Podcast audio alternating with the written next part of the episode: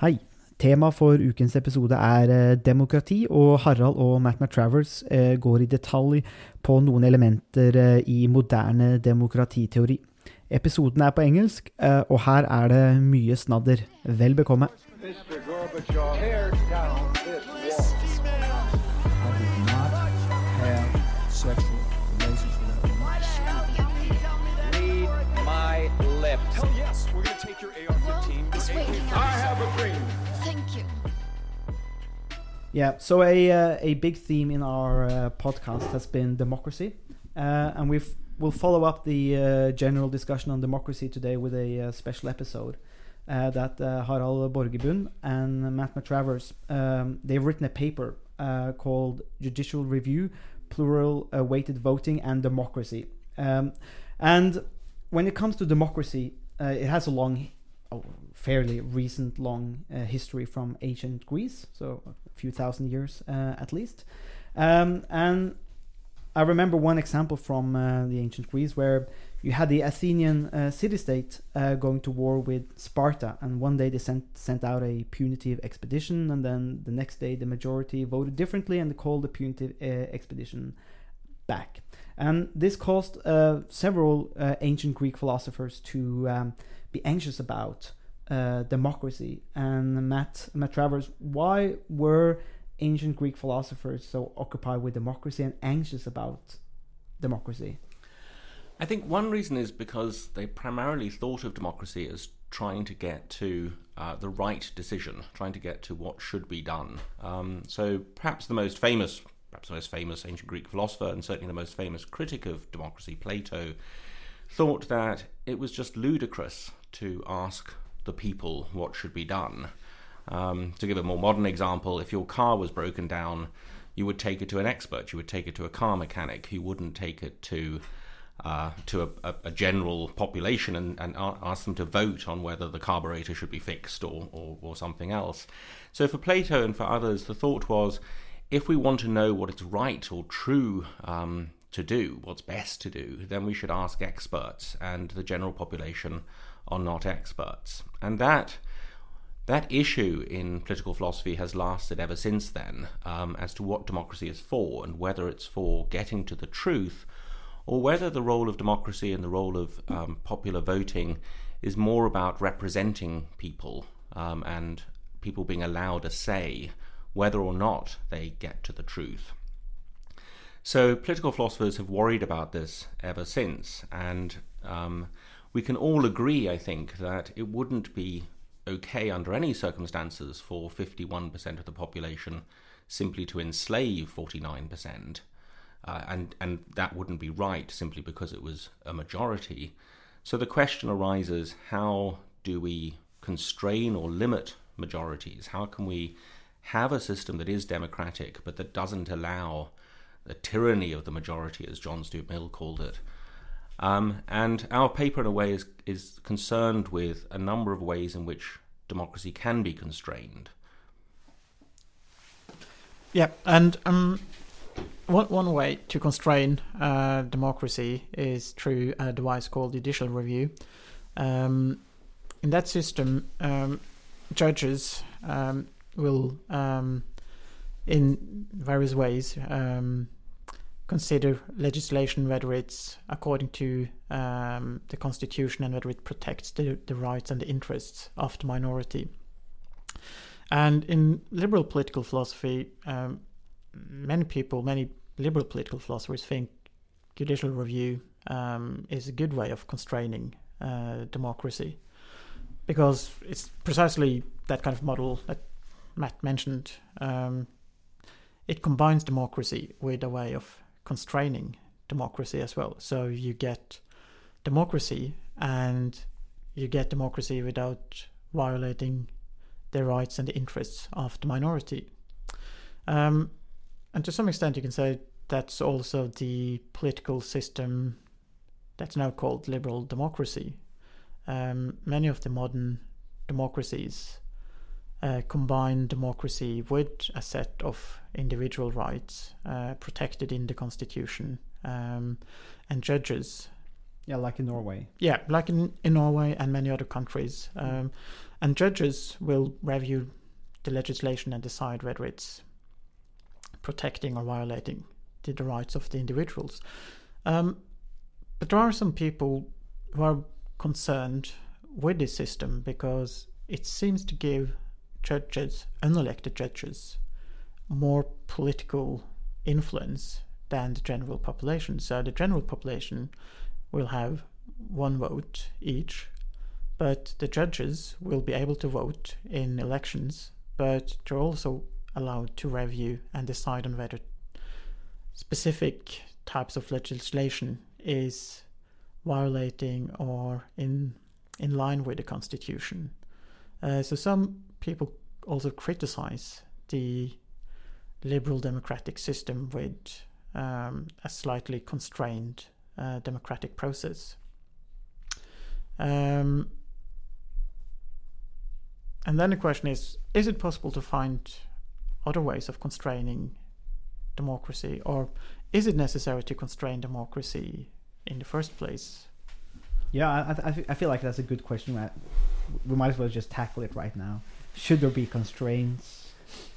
So I, I think, as I, as I said before, everyone thinks that there, there should be some, um, because we know that majorities have voted in the past to do appalling things, and we know, and, and we believe, as Harald says, the liberal bit of liberal democracy is we believe each individual counts, and each individual should be protected from uh, the will of the majority, shouldn't be sacrificed to the general good.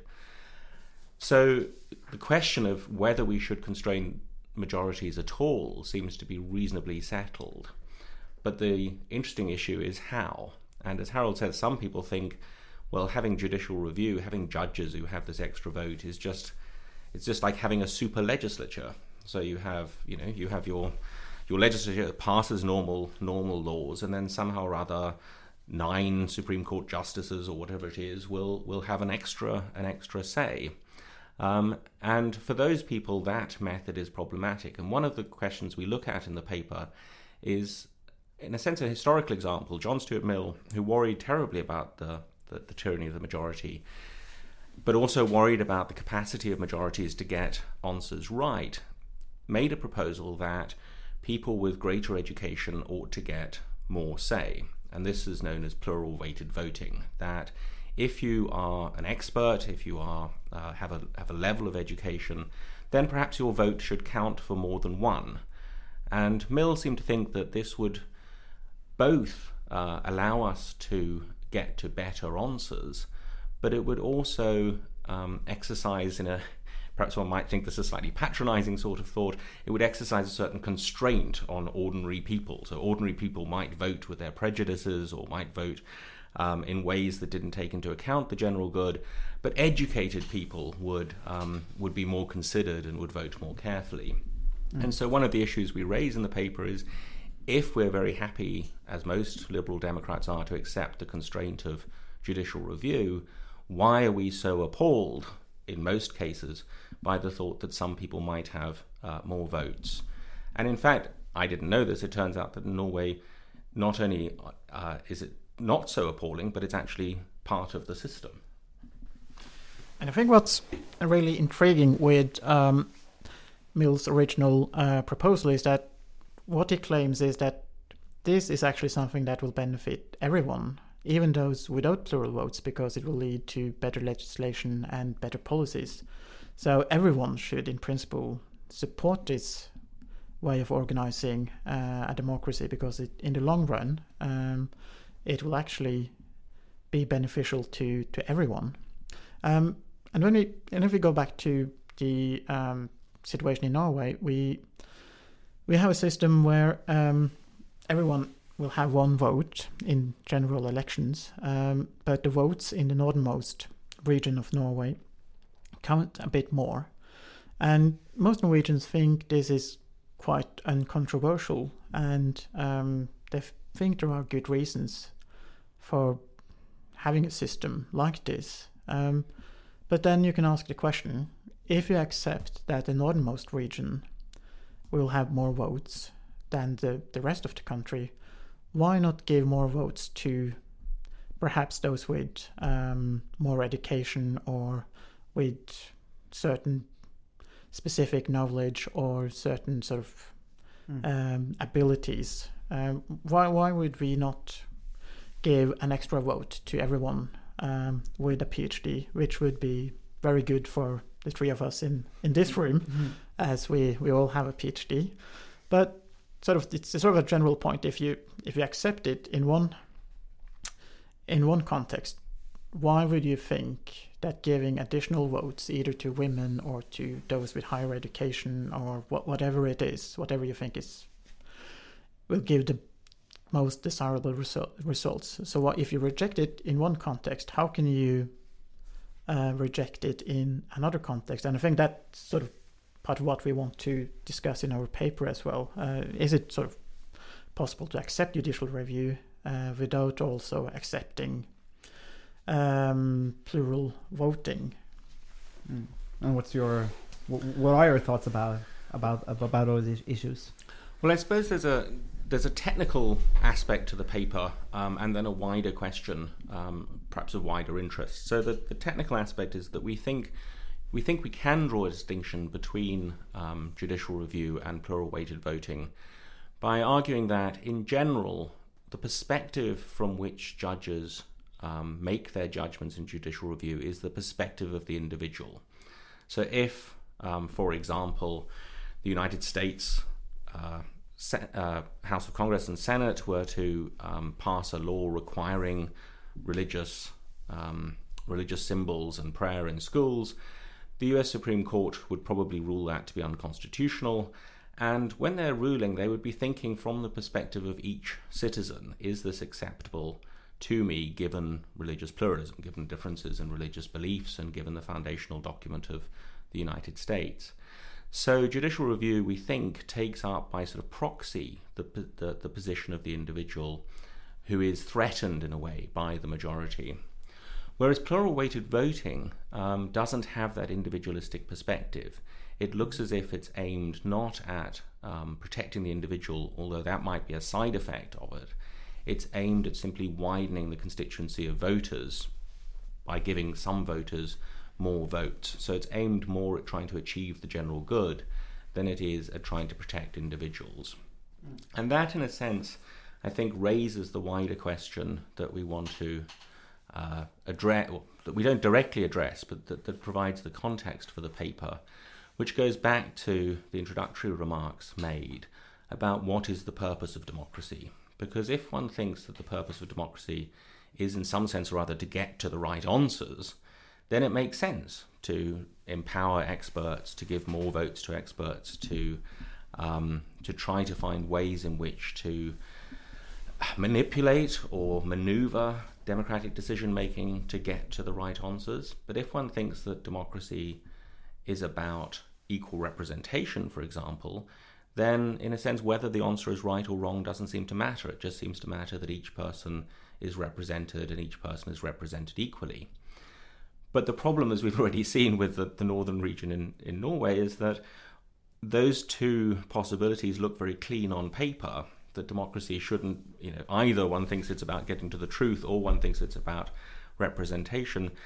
But of course, both in our politics and our ordinary lives, somehow or other, we think it's about both. We we want democracy to be expressive of um, the equal regard we have for all citizens. We want democracy to represent that equality, but we also want a political system that actually delivers vaguely sensible and correct answers. We don't want a majority simply to vote for whatever they want to vote for if that's going to be catastrophic. And one of the great challenges, I think, of liberal democracy is, in fact, to, to, to try to square that circle or try to decide how is it that out of a system that we value so enormously, um, we can both get sensible ways of running our societies and representation of each person um, in a fair way. Mm, I mean, because uh, it seems, I mean, I, I, I think we we talked about the you know on our seventeenth of May, our Constitution Day, where we celebrate our Constitution. Uh, Harald described it in the last podcast as a democracy bonanza. Uh, you know, it's a uh, it's a festival of democracy uh, where we uh, where we uh, where we, we I mean I mean democracy became it becomes a truism almost it's like we we just accept democracy, but nobody asks you know these questions. We just take for granted, uh, you know, just the assumptions that you've sort of given us that you know it, it is all these um, it, democracy is all these good things that we w- w- that, that we hope it to be um, and th- there's there's so many questions that you know comes into my head. And I just because it came up earlier when you were talking about judicial review uh, might just be my um, unclear understanding or naive understanding of, of, of things. But is there a difference between an American system where the judges are elected uh, by by people basically and Norway where they are selected Um, does that make well, a difference at all It would make a difference. I mean, Supreme Court justices, of course, are not elected um, in the states. Um, they are they are appointed, although they are subject to congressional oversight. yeah that's what I mean with Yeah. the ele- election it depends on you know who, who who sort of runs or has the majority there Yes, they are they are much more politicized, and Yeah. in fact, I think many people think that um, the United States, although it's often used as the sort of exemplar of judicial review, is not a particularly good example because the Supreme Court is the closest thing there is amongst judges, I think, to an extra legislature, and precisely because it is overtly politicized. I don't think though it makes a it makes a fundamental difference to the problem because so long as one has a written constitution and some individuals who get to assess legislation against that constitution, against their Bill of Rights or a Human Rights Act, then in the end there are going to be some people with more power than others. And it's mm. that inequality of power that we think delivers safety and security, justice for individuals, but nevertheless is in a sense unequal. And that's that's the tension. And it's a tension that runs through liberal democracies. Um, the other example that comes to mind, I don't know what the situation is in Norway, is, is if you think about central bank policy, think about the setting of, of, of um, interest rates.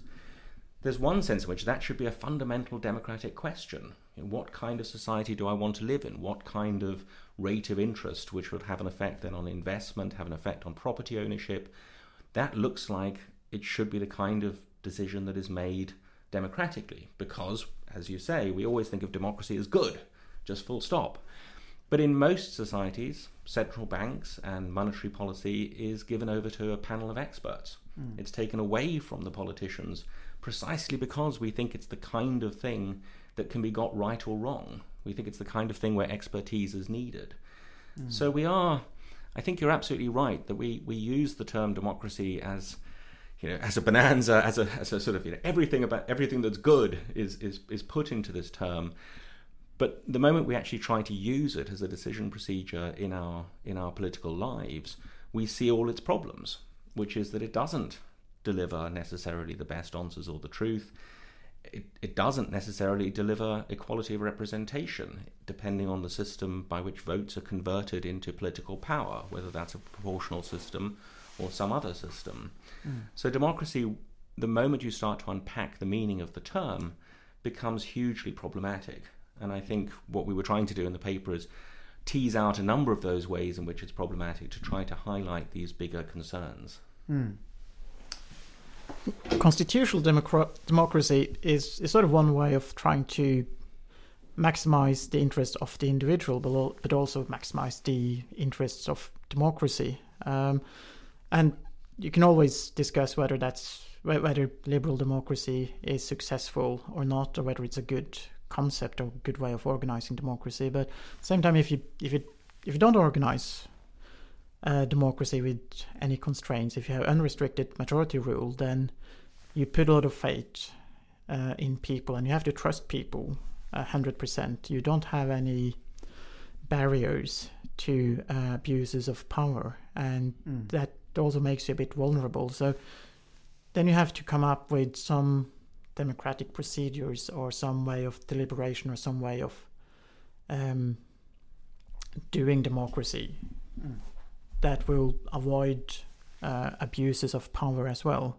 So e- even if you reject judicial review uh, or other types of other schemes to protect the interests of the minority and individuals, then you, you still have to come up with some solutions to this problem. It's not something that goes away just by criticizing uh, constitutional democracy or liberal democracy. You, The problem is, is still there.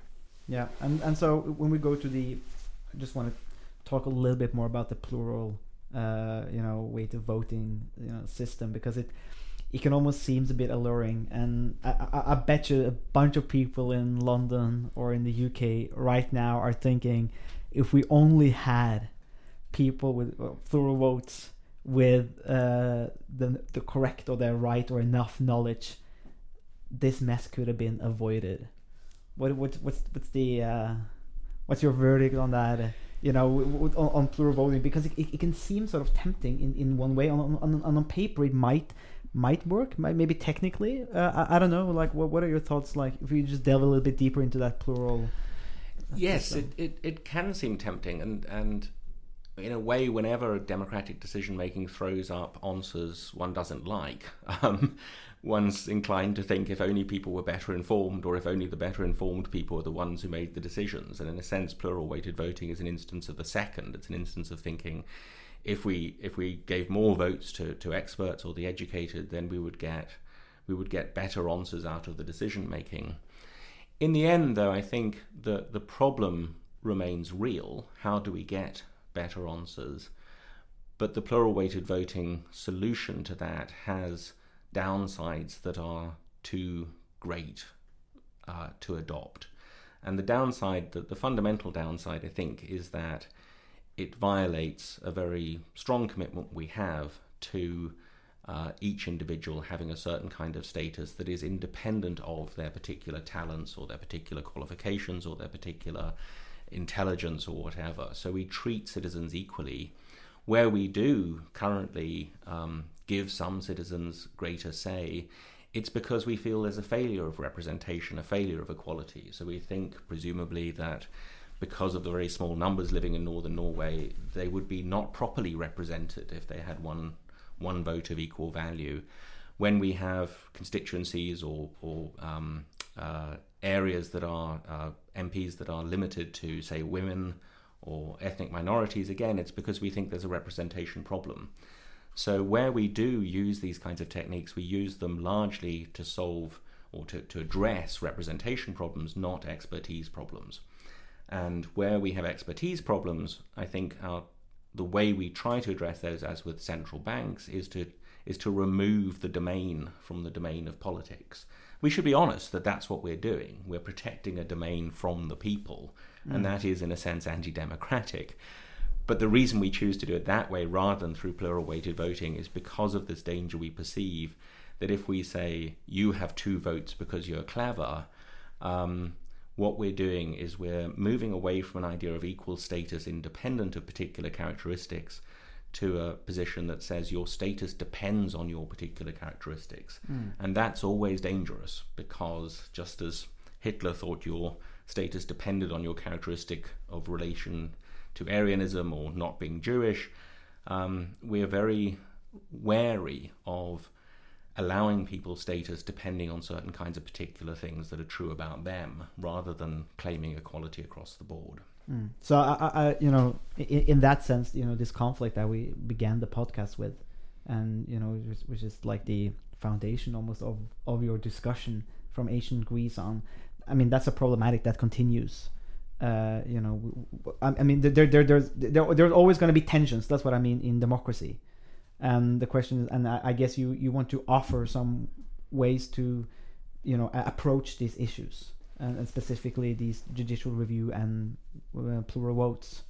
Yeah, exactly. So, so what we're trying to do, in a sense, is not um, not solve the problem of democracy, because I think, as you say, these issues are going to continue always.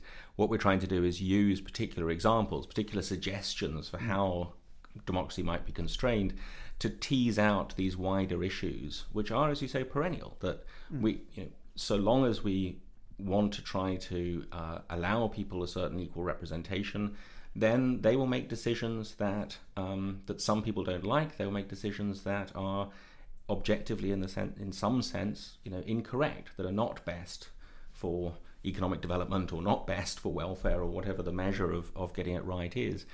And we have to live with that and we have to try to find ways to address that tension. Mm. And our paper really is trying to use a couple of examples to suggest ways in which one might start to think through categorizing different approaches by whether they represent the individual or whether they are an attempt to um, get a better account of the common good.